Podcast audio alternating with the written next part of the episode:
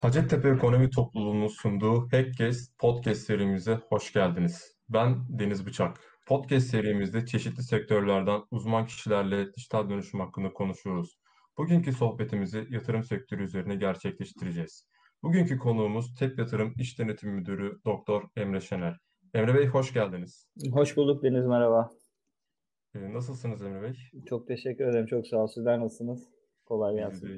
Biz de, biz de iyiyiz. Sağ olun. Teşekkür ederiz. Ee, sizleri yeniden ağırlamaktan dolayı mutluluk duyuyoruz. Tekrardan e, katıldığınız için teşekkür ederiz. Ben teşekkür ederim. Yani yardımcı olabiliyorsak size öğrencilere çok mutlu oluyorum. Her zaman da e, destek olmaya çalışıyorum. Hı hı. Ee, ben dilerseniz e, sorulara geçeyim. Tabii ki. Ee, öncelikle sizleri daha yakından tanımak adına sizi kendi sözlerinizle nasıl e, tanıyabiliriz? Biraz kendimden bahsedeyim ben. Ee, 84 Bursa doğumluyum. Ee, aslında yatırım sektörüyle tanışmam hani aileden gelen bir ilgi alakayla alakalıydı. Hani e, aileden gelen bir merak vardı her zaman bu sektöre. E, eğitimim e, finans, ekonomi üzerine oldu. 2006 yılında 9 ay üniversite ekonometri bölümünü tamamladım. Ee, akabinde yatırım sektöründe e, OYAK Yatırım bünyesinde çalışmaya başladım 2006 yılında araştırma tarafında. Daha sonrasında muhtelif farklı banka ve aracı kurumlarda Garanti Bankası, İş Bankası e, ve e, şu an çalıştığım TEB Bankası gibi o farklı kurumlarda çalıştım. E, akabinde beraberinde de akademik dünyadan da kopmadım diyebilirim. E, Bilgi Üniversitesi'nde ve Boğaziçi Üniversitesi'nde yüksek lisans doktora çalışmalarımı tamamladım. E, genel olarak hani bir 15 yıllık bir tecrübem, 16 yıllık bir tecrübem var. 15 yıllık pardon. E, geldiğim kısaca ifade etmek gerekirse bu şekilde diyebilirim. Gerçekten başarılı bir kariyer. Ee, yani sektörel anlamda baktığınız zaman finans sektörü biraz rekabetin yüksek olduğu bir sektördür. Bankacılık sektörü de keza öyle. Eğitimin e, standardı zaten yüksek olarak açılıyor. Yani sadece yüksek e, lisans mezunu olmanızın dışında beraberinde bir yüksek lisans, belki hatta doktora e, olan rakipleriniz olabiliyor diyebilirim yani çalıştığınız kurumlarda. Bu Hı-hı. anlamda rekabetin eğitim anlamında bir çıtası yüksek e, demek yanlış olmaz. E, farklı alanlar var sektör içerisinde. Şöyle ifade edeyim hani yardım, bilgi anlamında e, öğrenci arkadaşlara faydalı olacağından aktarıyorum. E, işte ben mesela araştırma kökenliyim. E, ilk sektöre başlangıcım e, araştırma departmanında oldu. E, farklı departmanlarında da tabii, tabii şu an devam ediyor olabilir. Management training programları vardı e, aracı kurumların ve bankaların. Bu anlamda yetiştirmek için aldıkları e, yeni mezunları farklı departmanlarda görev yaptırıp daha sonrasında uzmanlaşmalarını sağlıyorlardı herhangi bir uygun olacak bir departmanda. E, yani yeri geldi. Çağrı merkezinde de görev yaptım. E, müşteri temsilcisi olarak da şeyde. Ama bunlar kısa vadeli görevler. Daha sonrasında araştırmada çalıştım bir 3-4 yıl. Akabinde denetime karar verdim. 2007 yılında bir kriz olmuştu. Ee, belki hatırlarsınız. Amerikan kaynaklı mortgage krizi diye adlandırdığımız bir kriz. Bu krizin akabinde denetim sektörünün daha da öne çıktığını, e, özellikle sektörel bazda riskin e, kontrol edilmesinin önemli olduğunu düşünerek denetim tarafına yöneldim. Tamamen hani zaman içerisinde karar verdiğim bir uzmanlaşma oldu diyebilirim. Ee, işin zaten temeline indiğimiz zaman da mortgage krizinin de bir tık e, denetimsizlikten kaynaklandığını görüyoruz. Tabii tabii tabii. Kesinlikle kesinlikle. Yani evet. işin o tarafı zaten başka bir boyut. Yine konuşuruz sohbet içerisinde. tabii ki. Ama e, kriz algısını yakalamak yani çok kolay değil. Riskin önemi bu yüzden çok arttı son yıllarda. Hı hı. Risk denetim alanları çok öne çıktı diyebiliriz. 2008 yılında gerçekleşen bir kriz vardı. Şimdi de aslında 2020 yılında gerçekleşen bir krize doğru bakacak olursak da bizim bir yıldır içerisinde bulunduğumuz durumdan dolayı hani hayatımızda çok fazla şey değişti. Pandemi döneminde özellikle yatırım alanında iş yapma şekilleri nasıl değişti? Biraz bunlardan konuşabiliriz, konuşabilir miyiz? Tabii tabii, tabii ki. Yani Şöyle diyeyim, sadece yatırım alanında değil, genel olarak bir iş yapma şekli değiştiğinden bahsediliyor. Fakat e, ya aslında şöyle bir şey var. Rekabet zaten yıllardır rekabetin getirdiği bir sonuç vardı. Teknolojik altyapı, teknoloji tarafına e, altyapı e, yatırımları yapma önemli bir unsurdu zaten firmalar açısından. Yani e, şu yıllarda aslında bu dönemde yatırımlarının karşılığını alıyor e, diyebiliriz çoğu firma için. Yatırım sektörü de bu kapsamda değerlendirmek gerekiyor. Ne demek istiyorum? Rekabetin getirdiği bir sonuç olarak teknolojiye çok büyük yatırımlar yapılıyor zaten yatırım sektöründe. Yani şu an uzaktan çalışmanın e, alanında uzaktan çalışmanın en kolay yürürlüğe geçtiği, e, teknoloji anlamında uzaktan işlem yapmanın en kolay hayata geçtiği sektörlerden biri finans sektörüydü bence. Çünkü zaten hali hazırda gerekli altyapıları kurmuş oldukları için çok zorlandıklarını görmedim. Yani keza çalıştığım kurum için de bu geçerli, sektöre diğer firmalar için de bu geçerli. Zaten e, borsa dediğimiz e, piyasanın, e, mesela Borsa İstanbul'dan örnek vermek gerekirse, uzaktan emir iletim sistemiyle çalışan bir e, altyapısı mevcuttu. Yani filmlerde gördüğümüz o e, brokerların e, mevcutta işlem alıp tahtalara girdiği bir yapı zaten yıllardır yok. Hı hı. E, o yüzden hani uzaktan çalışmaya çok müsaitti. Sadece ofis ortamı yerine geri geldi. E, pandeminin ağır dönemlerinde evlerinden de aynı hizmeti bir telefon, bir bilgisayar yardımıyla verebilmelerini altyapısını sağladık. Çok da böyle e, hazır olmadığımız bir dönem değildi açıkçası finans alanında ve yatırım sektörü özellikle. Ama e, şunu fark etti herkes. E, yatırım firmaları gelecek yıllar içerisinde birer teknoloji firması olma yolunda gidiyor, ilerliyor. E, Finans sektörünün en büyük iş yapma şekli bu anlamda değişi. Kendilerini gelecek yıllarda birer e, yatırım firmasının dan çok bir teknoloji firması olarak görmeye başlayacaklar. Bunun farkına vardılar diyebilirim. Çok önemli bir ayrıştırıcı oldu. Hı hı. Yani e, bu krizi aslında hazırlıklıydılar diyebiliriz. Yani bir anlamda hazırlıklıydılar. Tabii ki Covid Hı hı. yani virüsün ne olacağıyla alakalı bir hazırlığı yoktu kimsenin. Hı hı. O anlamda değil ama Aynen. uzaktan iş yapmanın e, bu sektör için bir zorunluluk olduğu, yeri gelecek bu işin artık teknolojinin öne çıktığı, rekabetin teknolojik altyapılar üzerinden yürüyeceğinin farkındaydı firmalar. Ne demek istiyorum? Yeri artık yapay zekanın ve e, robotların iş yaptığı bir dünyada e, insan faktörünü en aza indirmek için işi otomasyona dökmeniz gerekiyor. Yatırım da bunun farkındaydı yatırım sektörü de. E, doğal olarak artık uzaktan iş yapmak bunun bir parçasıydı. Yani e, insanlar oturup ofislerde saatlerini harcamak istemiyorlar. Geri geliyor otomasyonla e, bu işi uzaktan da çözebileceklerini düşünüyorlardı. Virüs bunun bir testi, gerçek anlamda bir testi oldu. Yani real time bir e, şey yaptık orada, deneme yaptık. Bu iş gerçekten böyle yürüyebiliyormuş.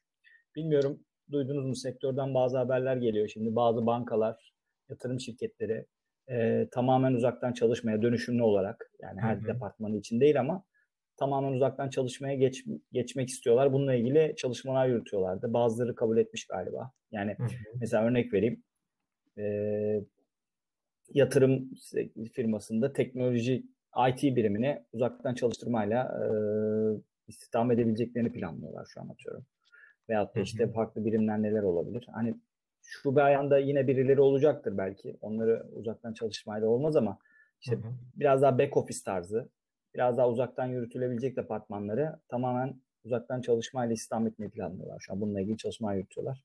İş yapma şekli bu şekilde değiştir diyebiliriz. Yani ofislerdeki kalabalıklar biraz daha azalacak. Ee, hı hı. İnsanlar evlerinden ya da uzaktan çalışmayla biraz daha home office ortamında e, çalışmaya geçecek diyebiliriz.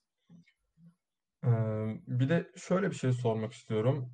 Yatırım şirketlerinin biraz da teknoloji ayağının ve teknoloji şirketi olma yolunda adım attıklarından da bahsettiniz.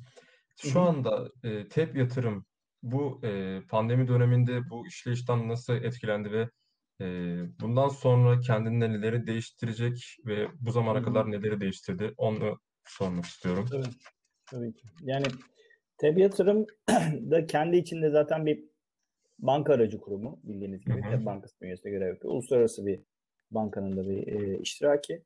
E, bu anlamda hani e, baktığınız zaman tüm dünyadaki gelişmelerin de e, beraberinde yine teknolojinin e, meyvelerine, teknolojik yatırımlarının meyvelerini aldı diyebiliriz. Yani benzer şekilde uzaktan çalışmanın artık çok zor olmadığını, özellikle e, bazı departmanlarının evden çalışmayla e, tek aynı faaliyeti, aynı görevi yerine getirebildiklerini e, gördü. Bu anlamda şu anda netleşmiş bir şey yok ama ilerleyen dönemler için e, belli departmanlarda belki uzaktan tamamen uzaktan çalışma şeklinde e, yönteme geçebileceğinin e, hazırlığında şu an. Onu düşünüyor e, diğer sektör firmaları gibi.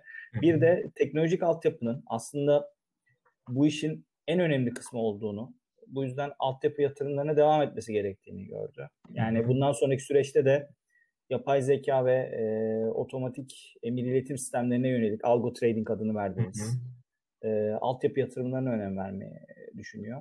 Yani benzer aracı kurumlar da zaten bunun hazırlığı içerisinde değil. Çünkü sektörün gittiği yer burası. Rekabet bunu buraya götürüyor size.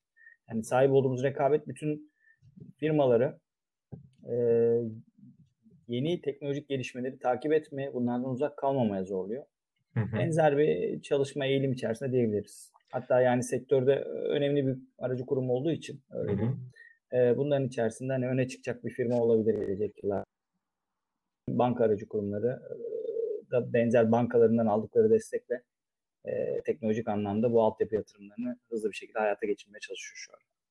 Krizi aslında bir tık güzel atlattı e, diyebiliriz e, yatırım içinde. Ya şöyle e, finans sektörü için çok iyi bir yıl oldu yatırım sektörü için. Yani karlılıkların, hedeflerin daha 6. 7. aylarda tutturulduğu bir yıldı diyebiliriz. Yani daha yıl tamamlanmadan yılbaşı belirlenen hedeflerin e, yıl ortasında tutturulduğunu, e, sektör anlamında da çok ciddi karlılık yaşandığını gördük. Bu anlamda e, tüm sektör firmalar için iyi bir yıldı. Tabi yatırım için de çok iyi bir yıldı. Yani e, hedeflerine erken ulaştı ama bunun meyvesini dediğim gibi bunun yıllar içerisindeki yatırımların karşılığını aldık. Yani zaten ha, hala hazırda e, hayatta olan bir e, teknolojiyi siz bir sabah tamam artık uzaktan çalışmayla aynı hizmeti vermeye başlıyoruz. Mecburuz buna diyerek hayata geçirdiniz. Ve hiçbir sorun yaşamadınız. Yani ufak tefek elbette sorunlar olmuş olabilir ama genel anlamda sektör iyi bir sınav verdi. Ee, bu anlamda uzaktan çalışma keza müşterilere aynı hizmeti uzaktan da verebileceğimizi keşfettik. Yani güzel bir yıl. Hani TEB yatırım için de çok güzel bir yıldı. Sektördeki bütün firmalar için güzel bir yıldı. İnşallah bu şekilde de devam eder. peki çok şunu... ilginin arttığı bir yıl zaten e, yatırım sektörüne. Farkındasınızdır. İnsanlar da çok fazla yatırıma eğilim gösterdi. Yatırımcı sayısında falan çok büyük artışlar yaşandı bu. Hmm, bir de şunu sormak istiyorum. Aslında tam soru sormadan önce cevabını vermiş bulundunuz ama daha 6. 7. aylarında şirketlerin hedeflerine ulaştıklarından bahsetmiştiniz. Bu da Covid-19'un yaratmış olduğu krizin diğer krizlerden farklı olduğunu ortaya koyuyor bir bakıma. Hmm. Biraz bunu açabilir miyiz? Covid-19'un diğer krizlerden farkı nedir ve hani kriz zamanında nasıl yatırımlar yapıldı bu dönemde? Ve önceki hmm. dönemlere kıyasla farkı neydi? Yani şöyle Covid-19 ya ben orada iki taraflı bakıyorum açıkçası. Yani hı hı. ilk önce bir şöyle demek gerekir. Yani Covid-19'un diğer krizlerden farkı teknolojinin çok gelişmiş olduğu için aslında hem iyi hem kötü bu. Bir yandan sosyal medya gibi araçların da çok yaygın olduğu bir dünyada yaşıyoruz. Panik ve coşku ortamlarının hani e, çok kolay yayılabildiği bir e, dünyadayız şu an. Hı hı. Ne demek istiyorum? Kriz anında bir panik ortamı oluşur bu e, insanların e, yapmayacakları kararları da vermeyecekleri kararları da bir anda vermesine yol açabilir bir ortam yatırım kararları. Hı hı. Tam tersi coşkuda da bu geçerli. E, yani edenin çok üstünde fiyata bir ürün de satın alabilirsiniz yatırım amacıyla. Çok altında bir fiyata ürün de satabilirsiniz. Bunlar hı hı. hani panik ve coşku ortamlarında yaşanan şeyler. Bu tarz teknolojinin bu kadar gelişmiş olması aslında Covid-19'un en büyük farkıydı bence. Neden? Bu tarz ortamların çok daha e, kolay yayılabildiği bir dünyadayız şu an. Onun dışında hani benzer krizlerden çok fark olduğunu düşünmüyorum ama teknolojinin gelişmiş olması insanların panik ortamına daha çabuk girmesine, e, kendilerini daha büyük bir yıkımın içerisinde olduklarını düşünmelerine yol açtı. Hı hı. Bu anlamda hani e, zor bir e, dönem oldu aslında. Aslında sektör için zor bir dönemdi. Çünkü hı hı. bir anda önünü görememeye başladı insanlar. E, çok büyük bir felaket senaryosu çizildi. 1929 buhranıyla kar- karşılaştırmalar yapıldı. Öyle diyeyim ben size. Hı hı. Ama e, şöyle de bir şey var. Finans sektörü için virüs öncesinde tehlike çanları zaten çalıyordu bazı alanlarda. Yani bir kriz habercisi vardı, bir kriz beklentisi vardı. Hı. Yani virüs sadece tuz biber oldu bence. Çok da böyle hasarlı mı atlattık? Yani kazanımları geri toparladığını düşünerek şu an için işler yolunda gidiyor diyebiliriz. Ama her kriz arkasında bir hasar bırakır. Onu söyleyeyim ben size. Yani belli bir dönemin eğitiminde hasar bırakır, belli bir dönemin e, gelişmesinde hasar bırakır. Yani belli bir kesimin çok pardon. Her kriz beraberinde bir hasar bırakır. O yüzden hani full recovery yani tamamen bir iyileşme söz konusu olacağını sanmıyorum. Hani uzun vadede e, bu döneminde belli bir hasarı ortaya çıkacaktır. Bunun hasar tespiti yapılacaktır. Şu an sadece biraz e, eski haline döndürmeye çalışıyoruz işleri. Ki keza aylarda çalışmayan reel sektör firmaları var ya da eksik kapasite çalışan. Bunların bir hasar tespiti yapılıp e, normalleşmeye döndüğümüz zaman ortaya konması, bu bir ağır bilançoların ortaya çıkmasını bekleyeceğiz hep biz. Yani öyle diyeyim. Hani krizin en büyük farkı şu an için e, coşku ve panik ortamının hızlı e, ortaya konması. Bir anda da böyle iyileştik. Her şey yoluna girmiş gibi aktarılıyor mesela. Bu da teknolojinin getirdiği bir nimet aslında. Sosyal medya sayesinde veyahut da diğer aygıtlar sayesinde her an böyle her şey düzeldi gibi bir ortam yaratılmış olabilir şu an. 2021'in ilk aylarındayız. Hayır o da öyle de bir şey yok. Yani bunun bilançosunu normalleşmeye başladığımız zamanlarda göreceğiz. Ne iyileştik ne çok kötüleştik. Şu an daha önümüzü görmeye çalışıyoruz. Bence en büyük farkı bu COVID-19'un diğer krizlerden. Hasar bilançosunun daha tespit edilememiş olması. Zaman içerisinde göreceğiz. Çünkü eski krizlerde biraz daha bunlar ortadaydı. Mesela 2008 krizinin bilançosunu mesela orada da domino etkisi diye bir kavramla tanışmıştık 2008 krizinde. Ee, bir ülkede olan krizin diğer ülkeleri de beraberinde domino taşı gibi etkilemesi söz konusuydu. Hatta Türkiye'ye teğet geçtiği yönünde e, yorumlar olmuştu. E, baktığınız zaman e, bu bunun tespiti ve ölçülmesi bir yıllık bir zaman zarfı içerisinde zaten ortaya konmuştu ülkelerin mali durumlarında. Ama şu an daha o hasarlar ortaya tam konmadı. Çünkü devletler yardımlara devam ediyor. Daha insanların ne kadar büyük bir sıkıntı altında olduğunun ya da ekonomik anlamda ne kadar bir zor bir kriz döneminden geçtiğimizin tam hasarı ortaya konmadı. Covid-19'un en büyük şeyi şu bence. Krizin hala şu anda tamamlanmamış olması. Şöyle bir şey sormak istiyorum. Tabii, tabii. Pandemi döneminde e, önem kazanan ve diğerlerinden öne çıkan yatırım fonları nelerdir ve e, diğerlerine kıyasla bir tık daha aşağıda olan e, bir nevi bundan sonraki süreçlerde daha fazla yatırım görmeyeceğimiz sektörler hangileridir? Bunları sormak istiyorum. Hmm. Yani ilk önce yatırım nasıl yapılır? Ben onunla ilgili kısa bir şeyler söyleyeyim istersen. Çünkü Tabii. yatırım fonu yatırım stratejisi daha sonrasındaki bir adım bence. Hı hı. Yani yatırım öncelikle beklentiye göre yapılır. Yani yatırımın beklentiye göre yapılır ve mevcut ekonomik duruma göre yatırım yapılmaz. Bunun bir ikisini ayrı, ayrıştırmak gerekiyor. Hı hı. Yani hatta bir söz vardır. Beklentiler satın alınır, gerçekler satılır diye. Aslında bu söz buradan çıkıyor. Yani buradan geliyor genel anlamda. Dikkat edin çok bariz bir örnek vereyim. genel anlamda dünyanın en büyük ekonomistlerinden iyi yatırımcılar çıkmamıştır bugüne kadar. Bir istisna vardır Keynes. Ee, çok iyi bir yatırımcı olduğu söylenir ama onu da tabii hayatını incelediğin zaman o kadar da e, kısa vadede çok büyük paralar kazanmış iyi bir yatırımcı değil. Ömrünü uzun vadeye harcamış bir insan. O, o sayede şey yapmış, başarılı olmuş. E, ama yatırım yapılırken en büyük e, ayrıştırıcılık beklentiye göre hareket edilmesidir. yani sizin yapacağınız risk yönetimi, sizin yapacağınız strateji bu mantıkla ilerlemelidir. Şu anki koşullar iyi olabilir. E, bu demek değildir ki hemen yatırım yapalım. İşler Hı-hı. kötü giderken insanların görmediğini görebilmek, belki bir şeyleri daha ucuz alabileceğini düşünerek kriz ortamlarında belki satın alma yapmak daha doğru olabilir. Yatırım krizler o yüzden bir fırsattır derler genel anlamda. Bu, bu bakış açısına sahip olduğunuz zaman zaten bir ekonomi e, ekonomistle aranızdaki yatırımcının arasındaki en büyük farkı, en büyük çizgiyi çizmiş oluyorsunuz. Onu bir defa söylemek gerekiyor. Hı hı. Şimdi kriz e, zamanında da zaten yatırım yapmak bir fırsattır derler bu sebeple. Onu bir ayrıştıralım.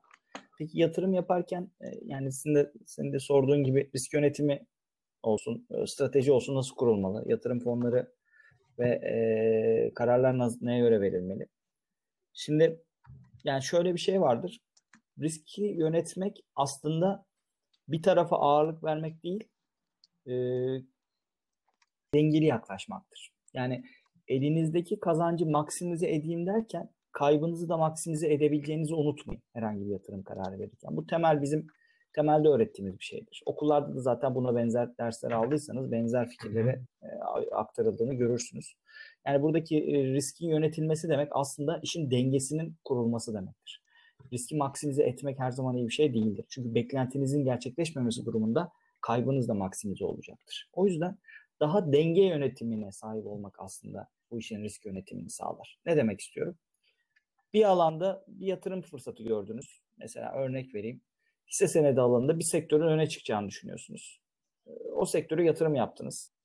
Fakat beklentiniz gerçekleşmedi. Bu durumda kaybınız bununla alakalı olarak baştan o beklentinizin gerçekleşmeyeceğini de düşünerek ona e, ya İngilizce hedge etmek diyoruz ama farklı kavramlar da kullanabilirsiniz.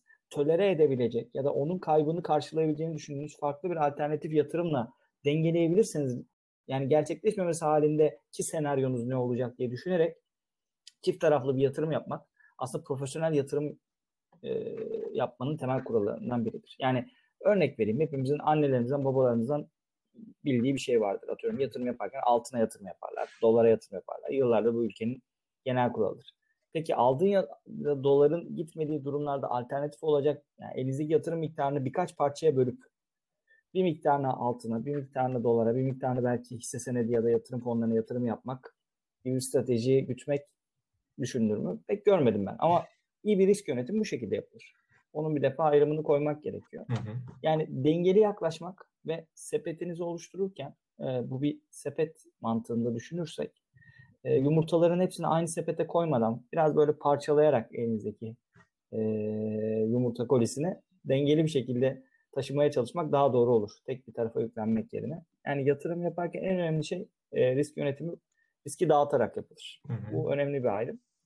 E, yani yatırım stratejisi de zaten e, oluşturulurken tek bir senaryo değil birden fazla senaryo. Yani A senaryosu B senaryosu diye düşünmeniz gerekiyor. Bu işin profesyonel tarafı da zaten bu şekilde çalışır. Hı hı. E, bu, bu kavramlarla e, oluşturmanız gerekiyor. Peki e, öne çıkan yani soruna gelecek olursak öne çıkan e, fonlar ya da e, alanlar neler olabilir?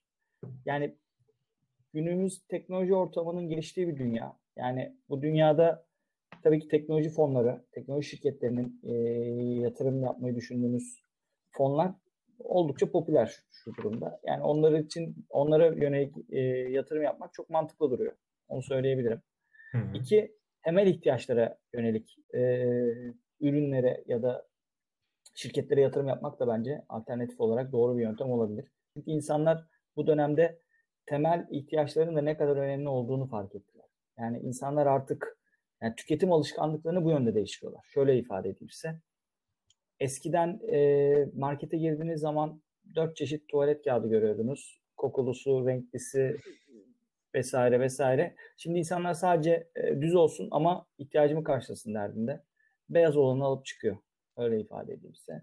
Doğrusu odur değildir. Ama şu dönem itibariyle e, ona döndü. Yani kapitalizmin e, tüketim alışkanlıkları üzerinde çeşitlendirme adını verdiğimiz bir yöntemi vardı. Yani farklı ürünleri ürün farklılaştırmaya giderek aynı ürünü pardon ürün farklılaştırmaya giderek farklı şekillerde satabilmeye çalışıyordu.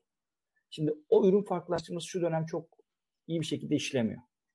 Yani ne demek istiyoruz? Standart olsun ama benim olsun. Elimde daha çok bulunsun, standart olsun.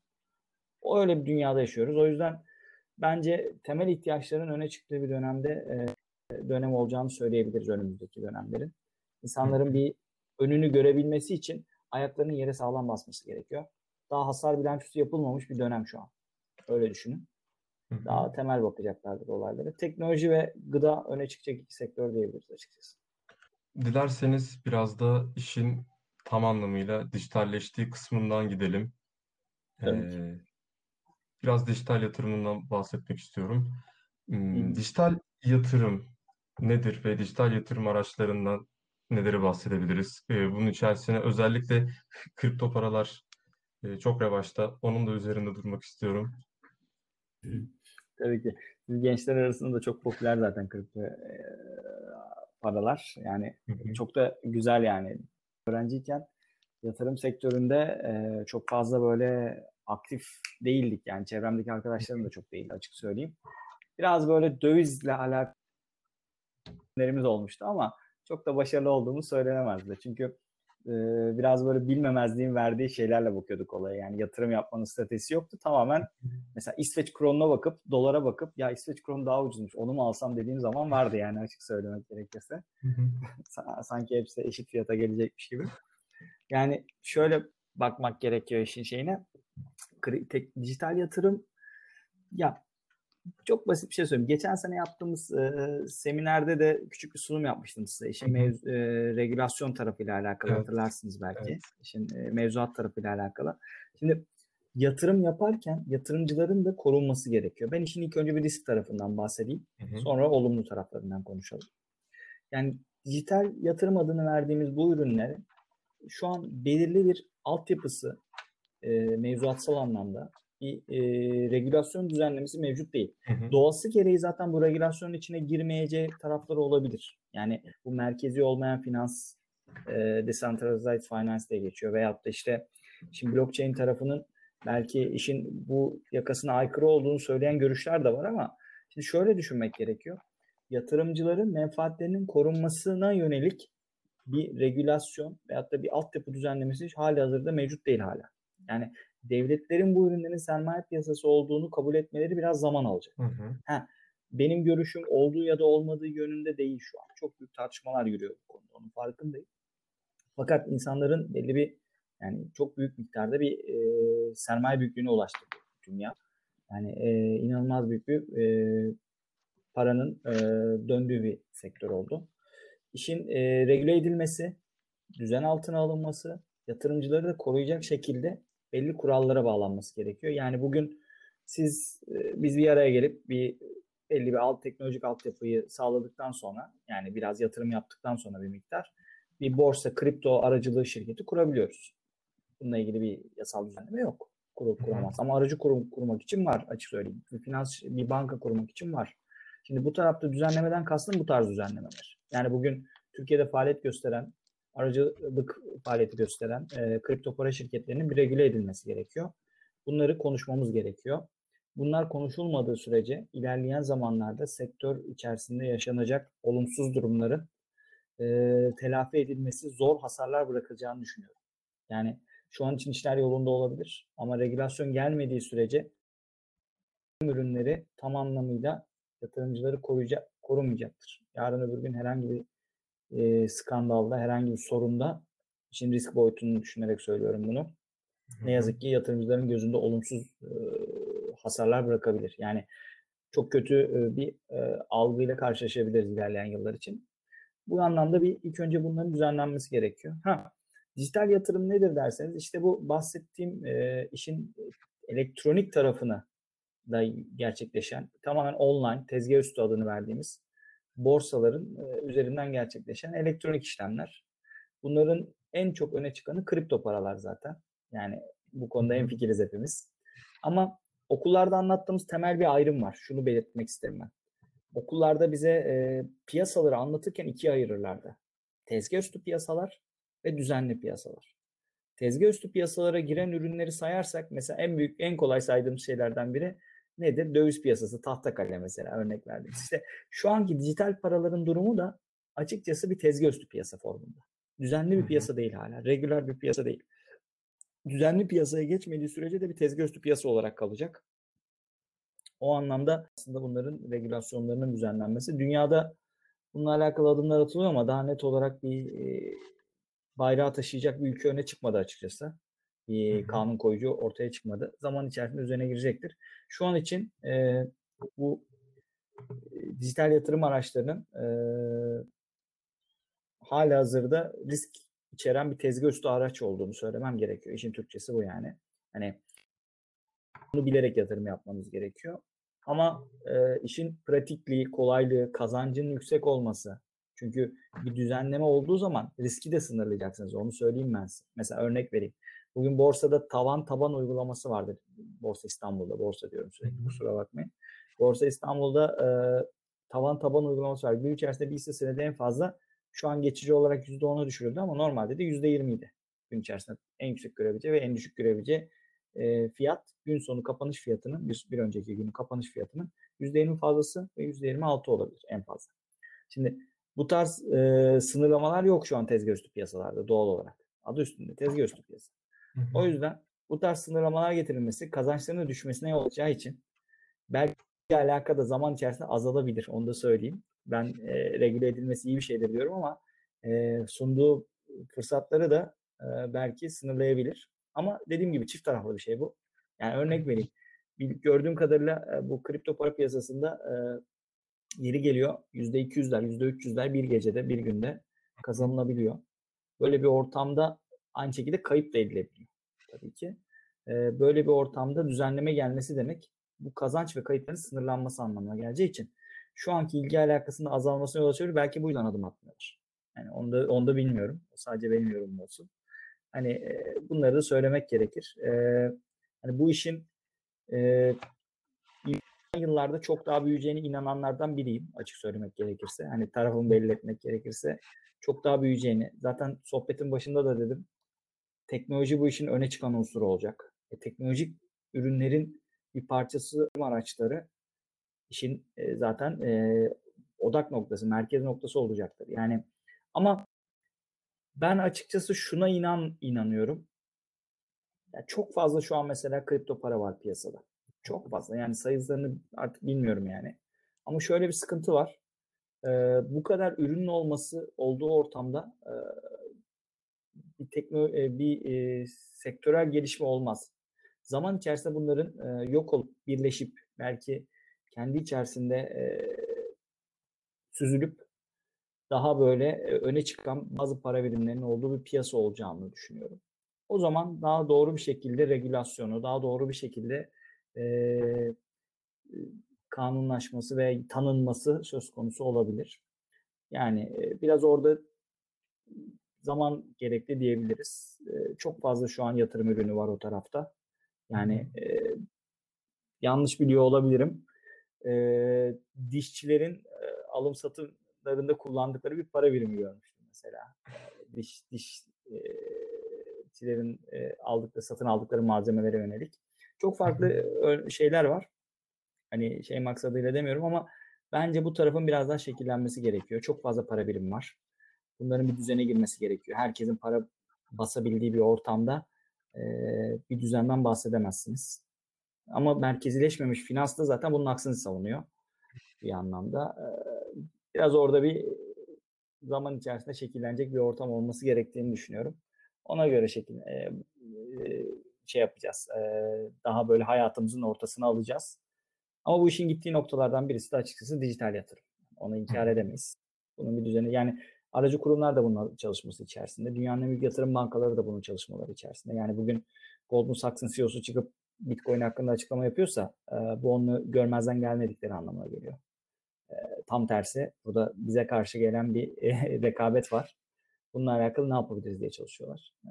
Önümüzdeki yıllarda daha da hayatımızın içine girecek bu dijital paralar. Bunun farkındayım.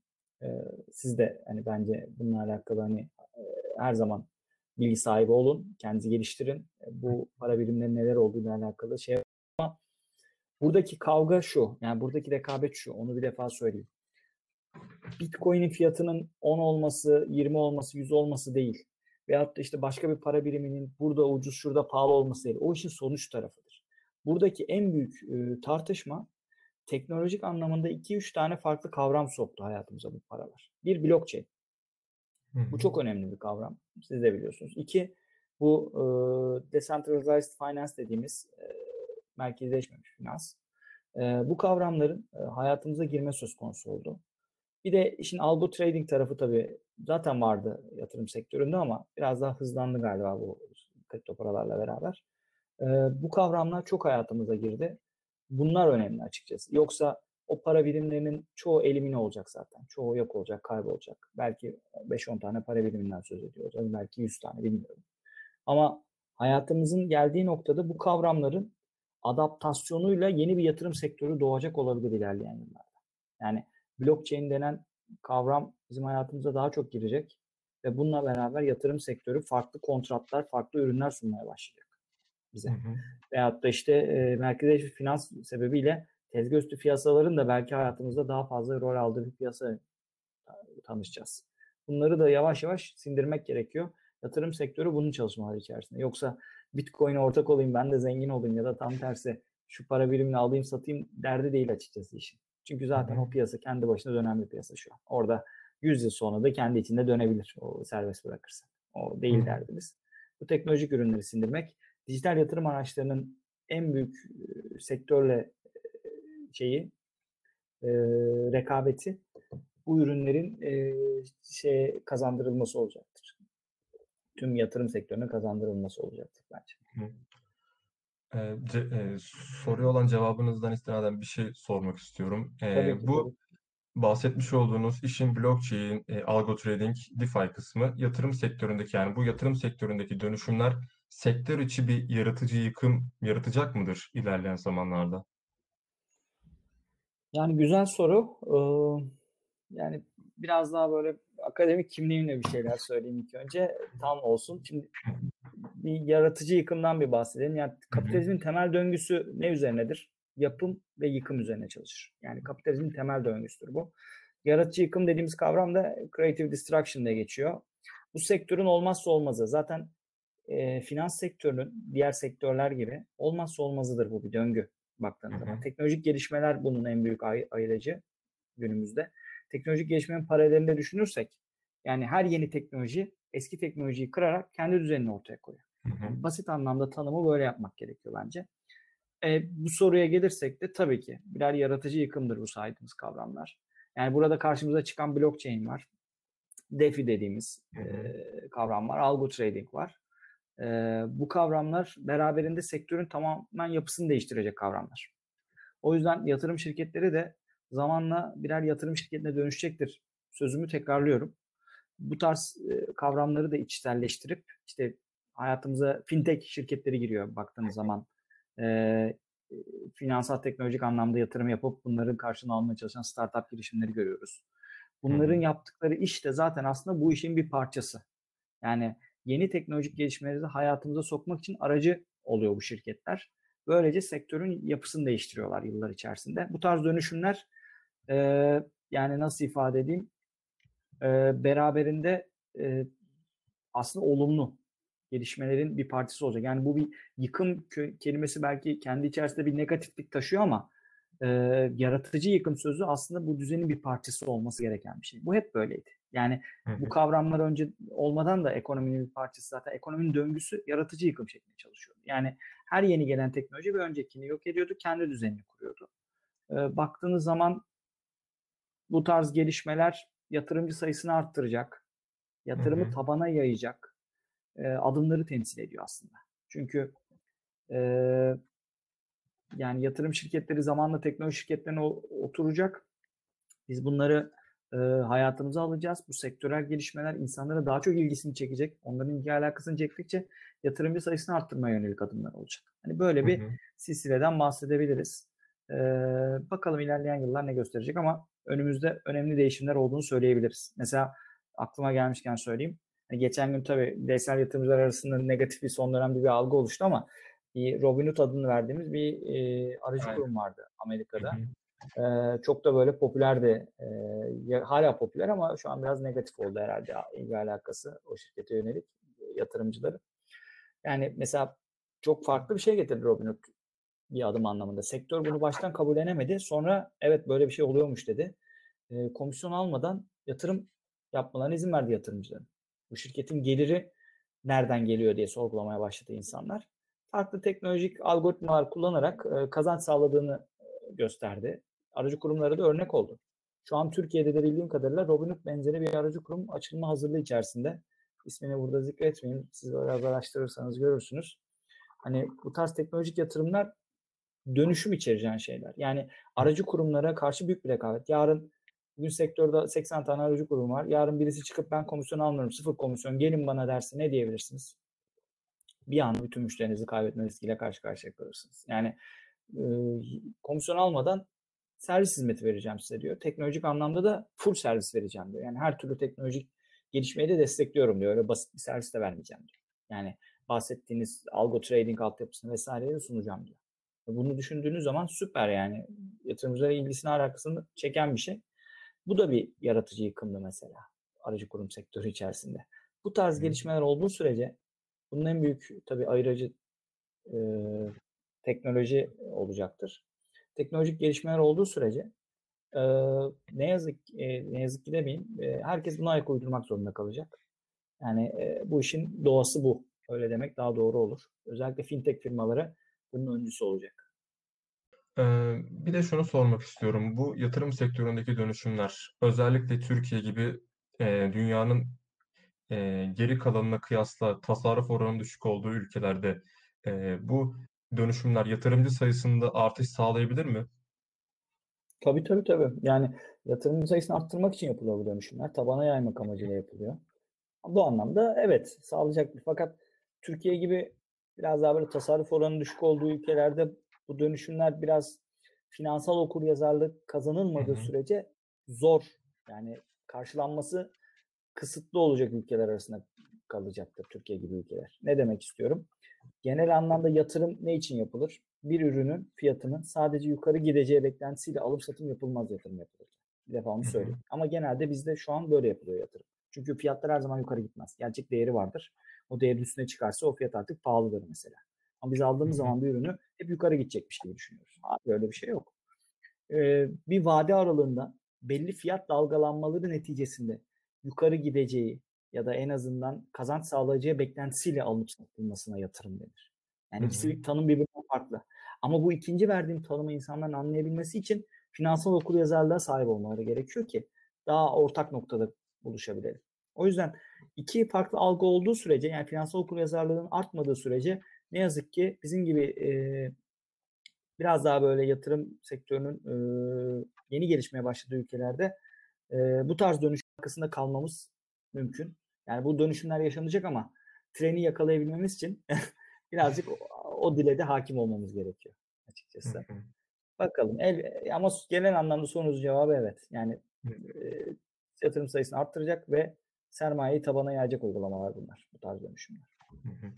O zaman e, son soruma geçiyorum Emre Bey. Bu yatırım evet. sektöründe veya genel olarak iş hayatında kendimize yer bulabilmek ve başarılı olabilmek adına biz gençlere tavsiyeleriniz nelerdir? Hmm, çok güzel soru. Yani esasen bence çok basit bir şey söyleyeyim. İngilizce çok önemli. Yani İngilizce ne yazık ki tüm dünyanın ortak, yani ne yazık ki demeyeyim, keşke Türkçe olsaydı. Ama İngilizce çok önemli bir dil. Bu dile çok hakim olmanız gerekiyor. Biraz önce bahsettiğim kavram teknoloji okur yazarlığı. Artık teknolojinin öne çıktığı bir dünyada yaşıyoruz. O yüzden teknoloji okur yazarlarının sektör çalışanı iseniz mutlaka, sektör çalışanı değilseniz bile hayatı algılayabilmek için, gelişmeleri takip edebilmek için sahip olmanız gerekiyor. Hı hı. Ee, sektörel anlamda her işin belli lisansları vardır. Nasıl bir üniversite eğitimi alıyorsunuz, belli konuda uzmanlaşıyorsunuz. Yatırım sektöründe belli lisansları var. İşte CFA adını verdiğimiz SPK lisanslama sınavları gibi. Mesela denetim sektöründe iyi bir denetçinin sahip olması gereken CIA belgesi vardır. Hı hı. Certificated Internal Auditor diye geçer. Certificated Financial Analyst diye geçer gibi gibi. Bu tarz uluslararası lisansları veyahut da yerel, lokal lisansları almaya çalışın. Bunlar sizin e, mesleğinize sahip olduğunuz bilgi birikimini ispatlamaya yönelik şeyler. Nasıl bir TOEFL belgesi sizin İngilizce bildiğinizi tabii ki %100 ispatlamıyor ama belli bir standart getiriyor en azından. Onun gibi düşünebilirsiniz. Ama bütün bunlar kenara en önemli şey açıkçası sektörde ve hayatta başarılı olabilmek için bence merak ve hata yapmamaktan korkmama. Yani yapacağınız işe merakınız olsun. Sırf para kazanmak için yapmayın açık söyleyeyim. Yani para kazanmak için yapacağınız işten 5 sene sonra sıkılırsınız. Hata yapmaktan korkmayın. Çünkü hata yaparak inanın kimse hata yapmadan bir yere gelmez. Mükemmel çalışan diye bir şey yok. Kimse hata yapmadan hiçbir yere gelmemiştir. Hata yapmadıysa zaten sor, orada bir hata vardır. Çünkü hata yapacaksınız, bu hatalardan korkmayacaksınız, tekrar edip tekrar edip doğruyu bulacaksınız. Belki yere düşeceksiniz, ayağa kalkacaksınız ama başarı böyle geliyor ne yazık ki. Belki 30 kere deneyeceksiniz, 31. yapacaksınız, 32'de yapacaksınız. Belki 5 kere deneyeceksiniz, 6'da yapacaksınız. Hı hı. Ama böyle başarı gelecek. Hiçbir başarı tek seferde gelmiyor. Mükemmel çalışan, mükemmel insan diye bir şey yok. Merak ettiğiniz şeyleri zaten e, başarıya ulaştırırsınız. Merak edeceksiniz. Bu sektöre ilginiz varsa yatırım sektöründe bir, birincisi artık zaten bir sıfır öndesiniz. Merakınız vardır.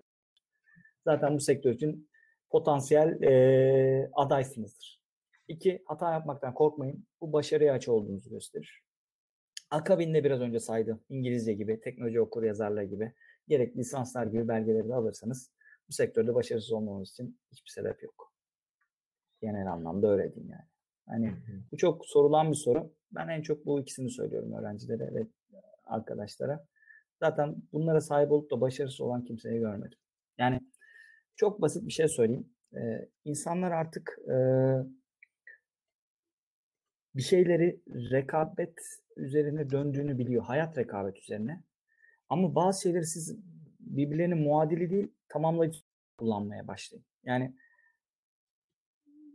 hayatınızı başarı üzerine kuruyorsanız aslında hayatınıza çıkan sıkıntıların, sorunların da o başarının birer tamamlayıcısı olduğunu düşünerek kurun hayatınızı. Hı hı. Bence başarılı olabilirsiniz her sektörde bu bakış açısıyla. Emre Bey, eee, cevabınız için de çok teşekkür ediyorum. Rica ederim. çok, eee, faydalı bir podcast oldu bizim için. Eee, size de teşekkür çok ederim. teşek çok teşekkür ederiz katıldığınız için. Eee, Eee yani genel anlamda çok basit bir şey söyleyeyim. Hı hı. Eee, çok özet anlamında. Hı hı. Belki biraz şey bir laf olacak ama, eee, gençlerin bu tarz sarsıcı sözlere ihtiyacı var bence. Hı hı. Eee, günümüz modern dünyasının biraz da algılaması biraz farklı bir dünyadayız ne yazık ki. Hı hı. Çok büyük atıflar yapmaya gerek yok. Günümüz modern dünyasının 2 temel dayanağı var. Çok temel bir şey olacak bu. Eee, 1'incisi kredi kartı limitleri, 2'ncisi market rafları. Çok ciddi. Yani insanların market rafları boşalırsa ne yapacağına dair en ufak bir fikri yok. Bu nereden çıktı diyeceksiniz bu anlattığım şeyler. Konuşmanın sonuna geldik. Ne alaka diyeceksiniz ama biraz böyle başa saracağım. Yani bu belirsizlik ortamları içerisinde yaşadığımız bir dönemdeyiz. O yüzden kendinizi geliştirmek istiyorsanız kendinize güvenmekten kesinlikle, eee, vazgeçmeyin. Sizin zaten, eee, ortaya koyacağınız şeylerle bazı şeyler yoluna girecek ve hayatımızı idame ettireceğiz. Mevcut düzenin aksaklıkları olduğu çok açık. Bunu gördü. Yani kriz ortamını biz bunu yaşıyorsak bu bir günde gelmedi bu kriz hayatımıza. Zaten krizin içerisindeydik ya da biz bununla karşılaşacaktık. Bu virüsle beraber bunu hayatımızın ortasına aldık. Şu an biz bu dönemi yaşıyoruz. Demek ki bir şeyler yolunda gitmiyormuş ya da bir sorun varmış. İşte bakın ne kadar basit aslında sorgulamalar yap yaparak bir şeye ulaşabiliyorsunuz. Yani sizler de hayatınızı planlarken çok büyük kavramlar, çok büyük atıflarda bulunmayın. Standardı gözlem yeteneğinizde tespit edin. Hı hı. Eksiklerin olduğunu görün. Her kurumda, her yapıda, her alanda hatalar, eksikler vardır zaten. Siz onların, eee, zaman içerisinde telafi edeni, tolere edeni olacaksınız. Doğru gözlem, doğru altyapı, doğru birikim, biraz da sabır. Siz gençlerde bunun biraz eksikliğini görüyorum. Biraz da sabır başarıya ulaştıracaktır. Çok büyük, böyle çok karmaşık bir dünyada yaşıyoruz gibi gözüküyor ama gözüküyoruz ama aslında çok temel sorunlara sahibiz hâlâ. Imm Yani biraz böyle, eee, nasihat gibi oldu. Umarım faydası olur. Hani biraz olsun sizi cesaretlendirmek istedim. Hani çok böyle karmaşık bir dünyada değiliz aslında. Hâlâ da temel sorunlardan öteye gidemedik bazı konularda. Hı hı. Çok çok teşekkür ederiz Emre Bey katıldığınız için. Ben teşekkür ederim. Görüşmek dileğiyle Deniz. Çok sağ ol.